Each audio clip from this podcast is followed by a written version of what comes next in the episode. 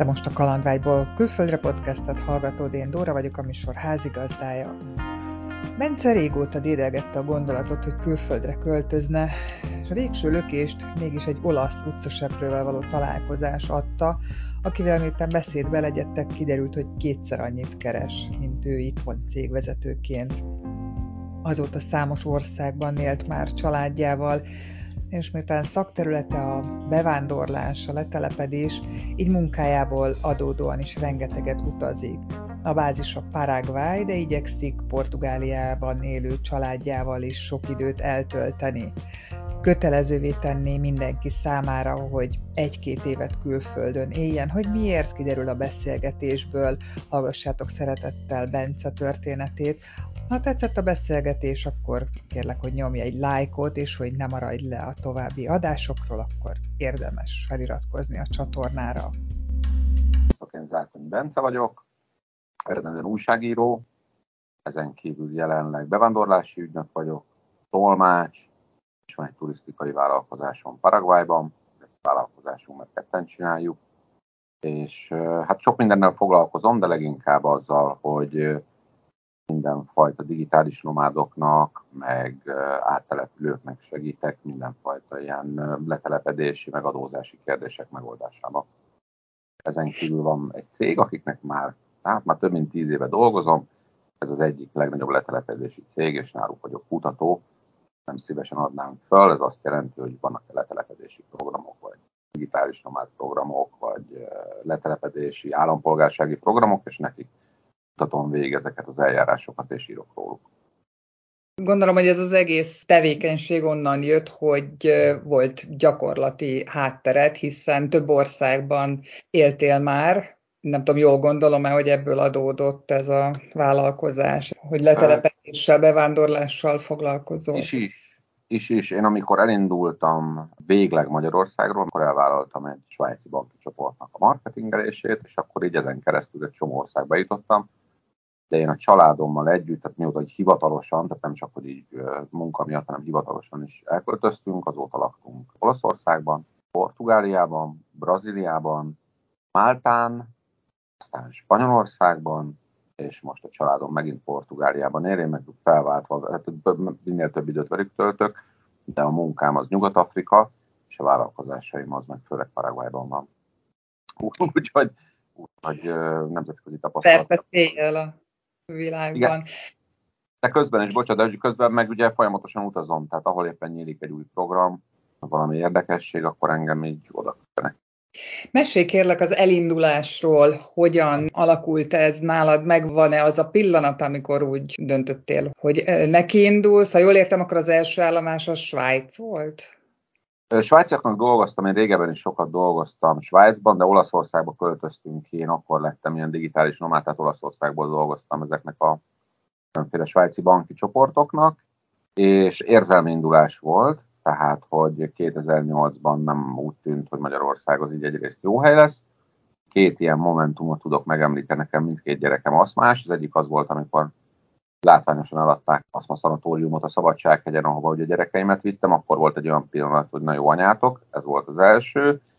És a második pedig az, hogy voltunk egy sportfesztiválon Olaszországban, és akkor ott beszélgettem egy utcaseprővel, egy kocsmában a tengerparton, és reggel 11-kor ő ott olyan túl sok dolga nem volt, nagyon kényelmesen fogyasztott egy pohár vörösbort, és így beszélgettünk, és kiderült, hogy pont kétszer annyit keres, mint én utcaseprő volt, én az egyik legnagyobb nemzetközi cégnek a Magyarország és Horvátországi ingatlan igazgatója, mármint a marketing és a PR részt vittem. Hát és akkor rájöttem, hogy lehet, hogy inkább utcaseprő lennék Olaszországban, mint főnök úr ott itthon.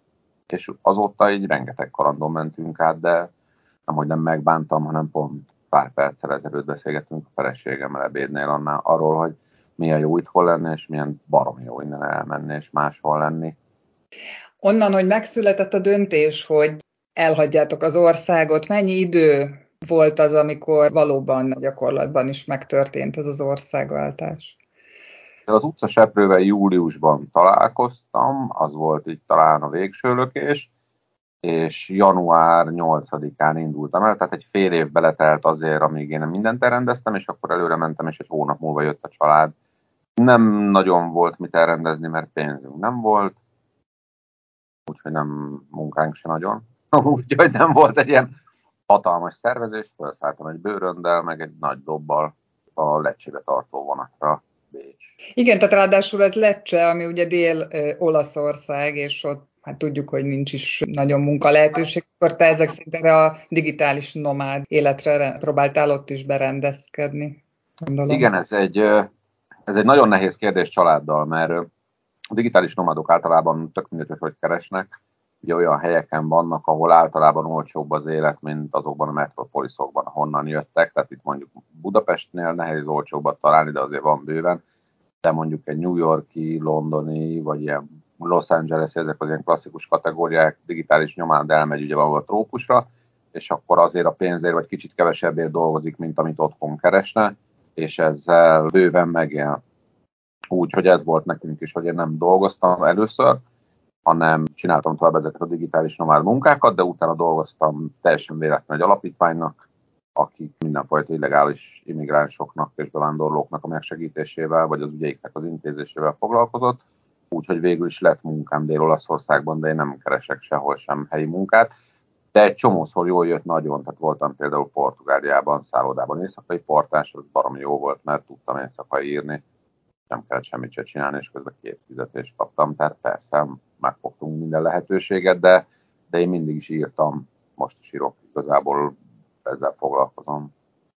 Az, hogy aztán tovább álltok egyik országból a másikba, annak pusztán a kíváncsiság az oka, tehát megnézni, hogy milyen a másik ország, vagy valami egyéb oka is van ennek?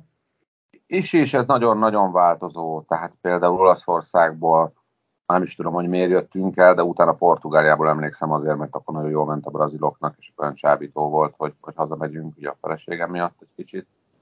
Aztán például Máltáról azért jöttünk el, gozolaktunk a kicsi szigeten, mert az egy ilyen káprázatos, tökéletes világ, de a gyerekeink így kamaszodtak, és az nyilvánvaló volt, hogy egy ilyen semmit mondó, mint egy gyereknek semmit mondó mediterrán sziget, az nem biztos, hogy hosszú távon jó lesz nekik, mert moziba nem tudnak menni, mert nincs.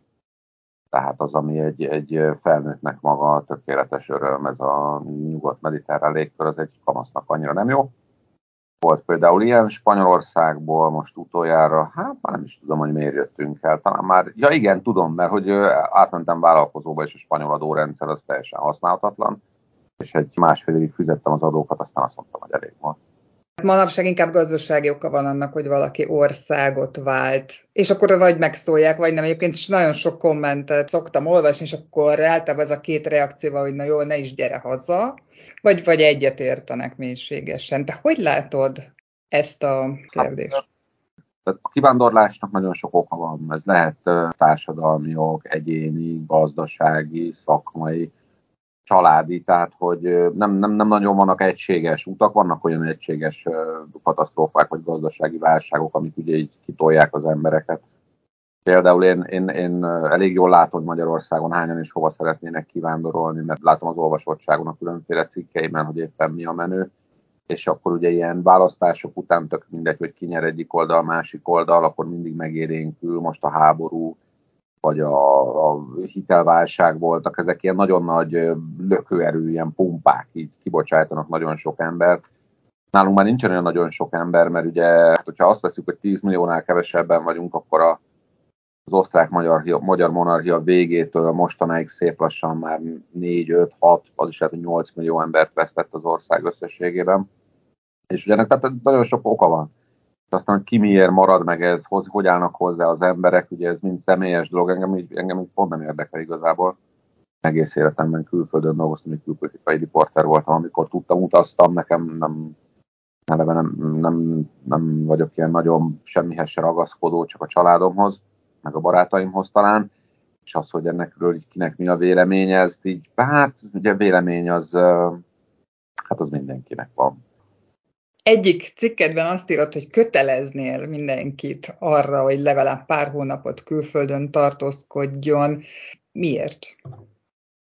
Mert nagyon, nagyon jó az, hogyha az ember megismerkedik ugye más világokkal. Ezek ilyen alapigasságok, tehát hogy ezt nem is nagyon kell fejtegetni, én inkább azt mondanám, hogy akár gazdag, akár szegény helyre megy az ember, nagyon sokat lát, nagyon sokat visz haza, és mi magyarok valamiért egyre inkább bezárkózunk. Én ezt nagyon látom, hogy minél többen élnek külföldön, a magyar kultúra, vagy a, a magyar iskolarendszer, vagy a magyar szakemberek egyre inkább bezárkóznak annak ellenére, hogy nyílik a világ, mint hogyha, mint hogyha itt szégyen lenne érteni más külföldi dolgokhoz, de nagyon fontos, tehát, hogy bármilyen iparágat mondunk, akinek nincsen külföldi tapasztalata, nem beszél nyelveket, nem érzi át ezt a dolgot, akkor az nem nagyon fog tudni érvényesülni. Viszont a másik oldalon meg ott van az, hogy az embereknek annyi bolondságot lehet mondani, annyi, annyi blödséget hallanak ellenőrizetlenül, és akkor így pro-kontra érveket elhisznek, anélkül, hogy valaha látták volna. Tehát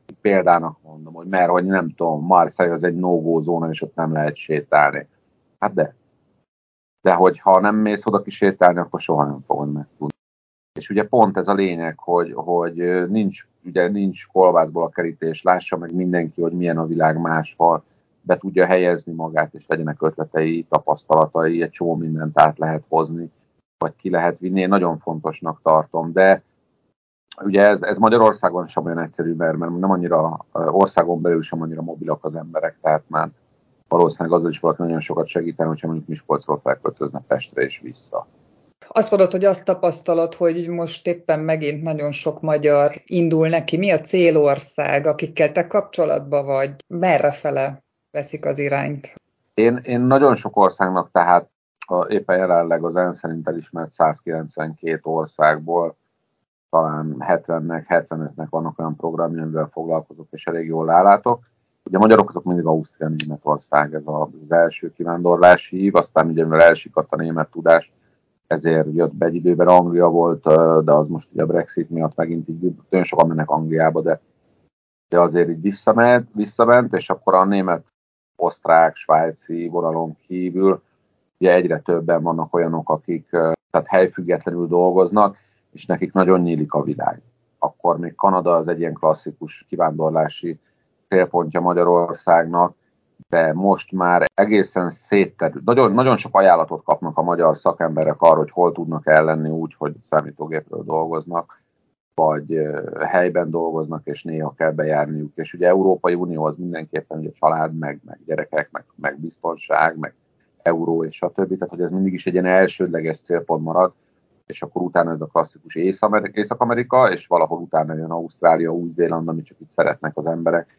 De ma már mindenhova tehát hogy, hogy Tájföld, Indonézia, Dél-Amerika gyakorlatilag, gyakorlatilag nincs olyan hely, ami után érdeklődnének az emberek, és nem mennének. És akkor vannak ilyen fellángolások, ugye, hogy adózás miatt, hogy szakma miatt, hogy élni jót, tehát hogy papíron is sok ember van Magyarországról kint, akik nem ott laknak, hanem vándorolnak.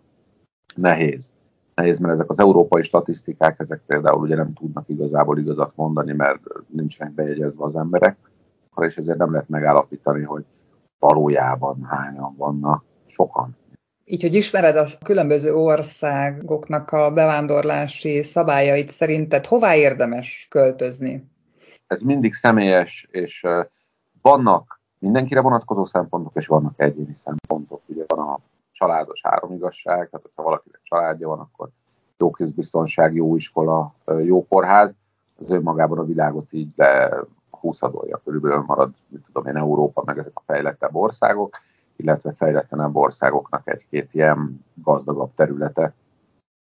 De én azt mondanám, hogy Európában bárhova, ugye annyira egyszerű az egész dolog, mert csak annyi kell, hogy az embernek legyen egy címe, legyen egy adószáma, meg valami, amit ott csinál, valami indok, és akkor ugye nagyjából ennyi volt Európában a kivándorlás, máshol nehezebb, de hát másfajta előnyökkel is kecsegtet viszont nagyon kevés a kalandor, tehát nagyon kevesen vannak, akik az álmaikat űzik, vagy a szépséget.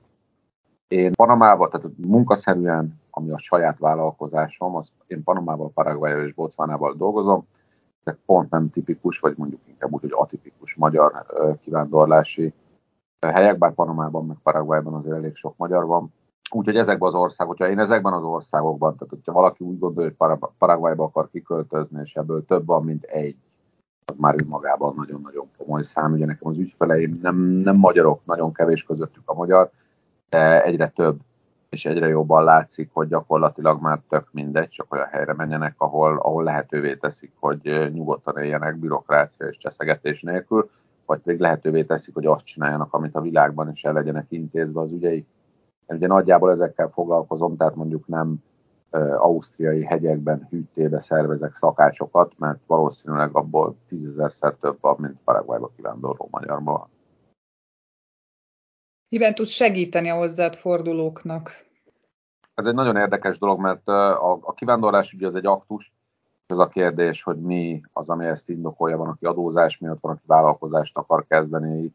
Egyre többen vannak, akik iskolát keresnek a gyerekeiknek, vagy pont olyan helyet keresnek, ahol a gyerek nincsen rákényszerítve az állami oktatásra, vagy félnek valami következő nagy katasztrófától, vagy éppen olyan pénzük van, amit szeretnének biztonságba tenni, vagy, vagy nem szeretik a hideget, vagy valami és mi gyakorlatilag teljes körű támogatást nyújtunk. Tehát a, a mi foglalkozásunk az, hogy az ember a, a bevándorlási folyamaton átessen, de mivel mindenki különbözik, ezért nyilvánvalóan megpróbálunk segíteni legalább kapcsolattal, hogy akkor melyik iskola érdekes, hol érdemes lakást keresni, és akkor emiatt vannak kapcsolataink ingatlan ügynökkel. Tehát hogy a, bevándorlás, vagy a kivándorlás, vagy az átvándorlás, az egy rendkívül összetett dolog, és magán a, a, a jogi segítségen, és az, hogy ott legyen egy ügyvéd, és fogja az ember kezét, és vigye át ezeken a dél-amerikai vagy afrikai bevándorlási folyamatokon. Ennél azért általában jóval többre van szükség, hogyha valóban ki akar vándorolni az ember.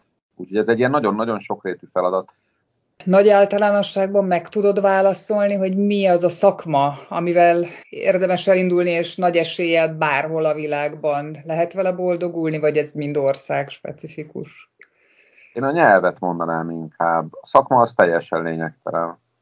A nyelvtudás az, ami ö, egy embernek a helybe illeszkedését nagyban meghatározza, mert hogyha az ember kivándorló, akkor nyilvánvalóan vannak olyan nagyon magasan képzett emberek, akikért sorban állnak az országok, és tényleg letérdelnek előttük, de hogyha az ember nem ilyen, akkor a, a nyelv, mert hogyha beszél az ember nyelven, akkor tud mondjuk hamburgert árulni, hogyha nem beszél, akkor semmit sem tud csinálni. Ugye mindenképpen a nyelvet említeném. Elsőnek, a másik pedig az, hogy, hogy ha helyfüggetlen a meló, tehát hogy most már ugye tényleg semmi köze az emberek tevékenységének ahhoz, ahol laknak.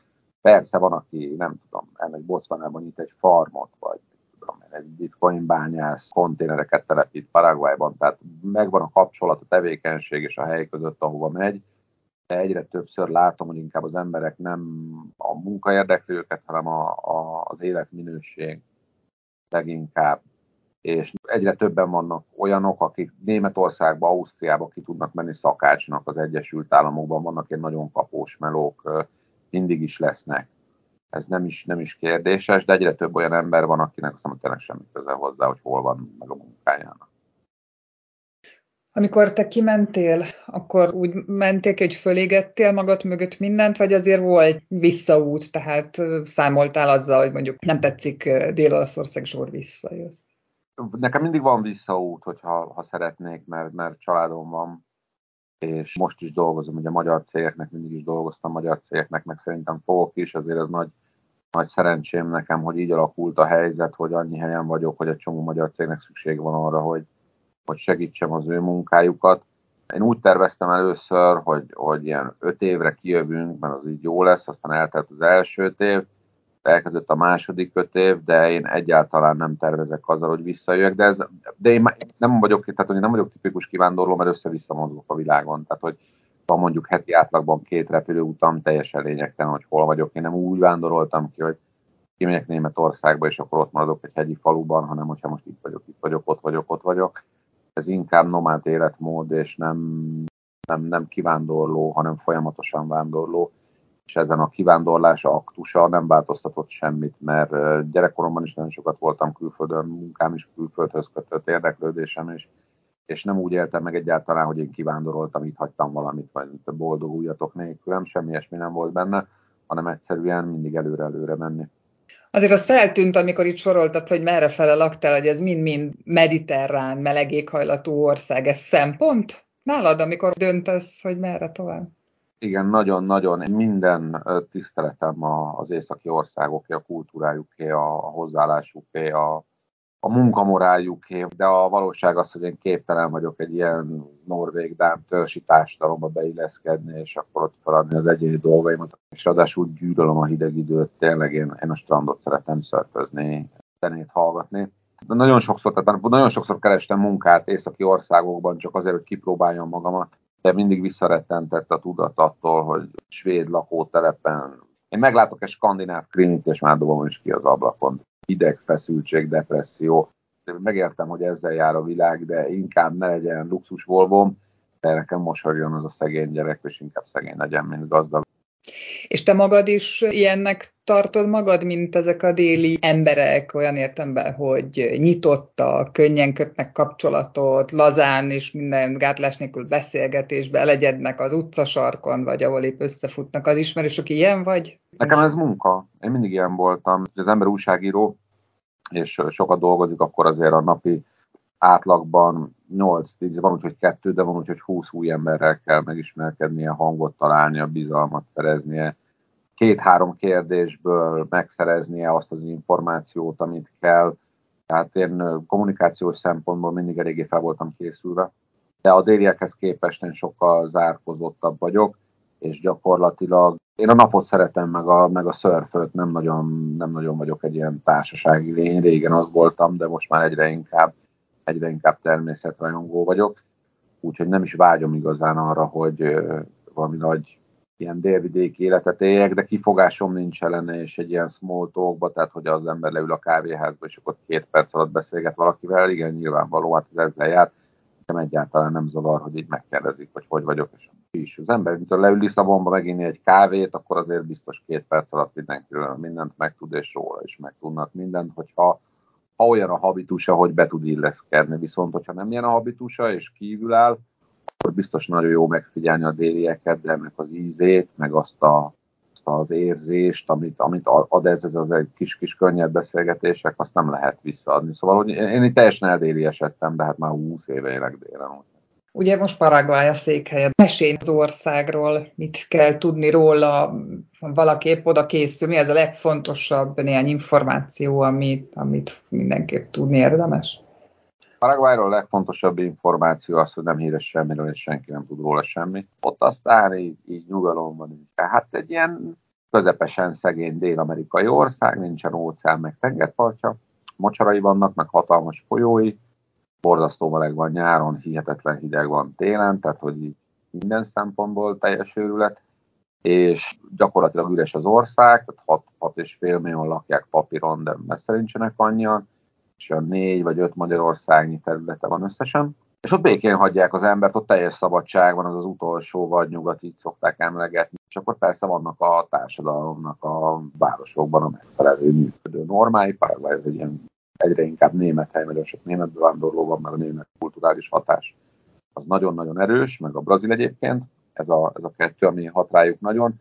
De mivel olyan kevesen vannak, mi például ugye teljesen beleszerettünk a Csákóba, ez egy hatalmas ősmocsár, hát hatalmas, az is mondom, három Magyarország területnyi, és ott van a Paraguay folyó körül, egészen föl Brazíliáig, egy szép hely, és nincs ott senki. Ott állatok vannak, halak vannak, meg madarak vannak, meg rohadt meleg, de nem egy ilyen tipikus uh, túraösvény, hogy akkor hú, menjünk el Paraguayba, nem, oda nem szoktak eljönni az emberek, oda az jön, aki horgászni akar, vagy madarat akar nézni, de tudja, hogy mire számíthat, hogy ott a világ egyik legkeményebb mocsara van. Amúgy meg az ország az így fejlődik, egyre jobban, nagyon gyorsan, mert ugye nagyon erős az európai kulturális behatás, és azért ez segít nekik egy csomó dologban, látványosan javul. Paraguayuk is ugye 89-ig voltak diktatúra, mint Magyarország, és akkor azóta demokratizálódott, és nagyon-nagyon szépen nyit, és nagyon-nagyon nagy szegénységből mennek fölfelé, és hát nagyon jót lakni egyébként. Én azt szeretem benne, hogy annyira nyugodt, annyira nyugodt, nem, nem tudok mondani a világon még egy olyan helyet, minden olcsó, nem is lesz drága, tehát, hogy ilyen nagyon-nagyon kiszámíthatóan nyugodt hely. Mi a terved a jövőre nézve? Van-e valami ország, ahol még mindenképpen szeretnél élni? Én hosszabb időt már nem akarok sehol tölteni, erre azért volt szükség, mert hogy a gyerekeimnek ugye egy kis biztonság, tehát én sok iskolába jártam, meg ők is nagyon, ilyen, nagyon sok iskolába jártak, tehát a fiam, amire leérettségizett, 14 iskolába járt, 15-be. De ezért kellett a nyugalom. Még két év van addig, amíg a kislányom leérettségizik, elmegy egyetemre.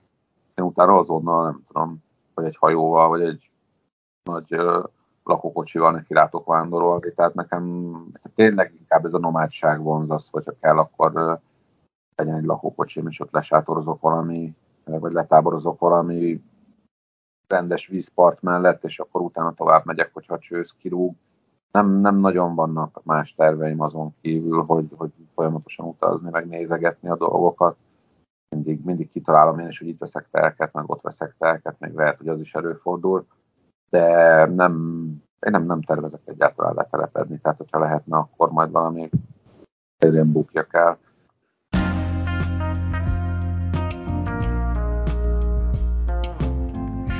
Remélem, hogy tetszett az adás. Ha nem szeretnél lemaradni a következő epizódokról, érdemes feliratkozni a csatornára. Találkozunk a következő részben jövő szerdán.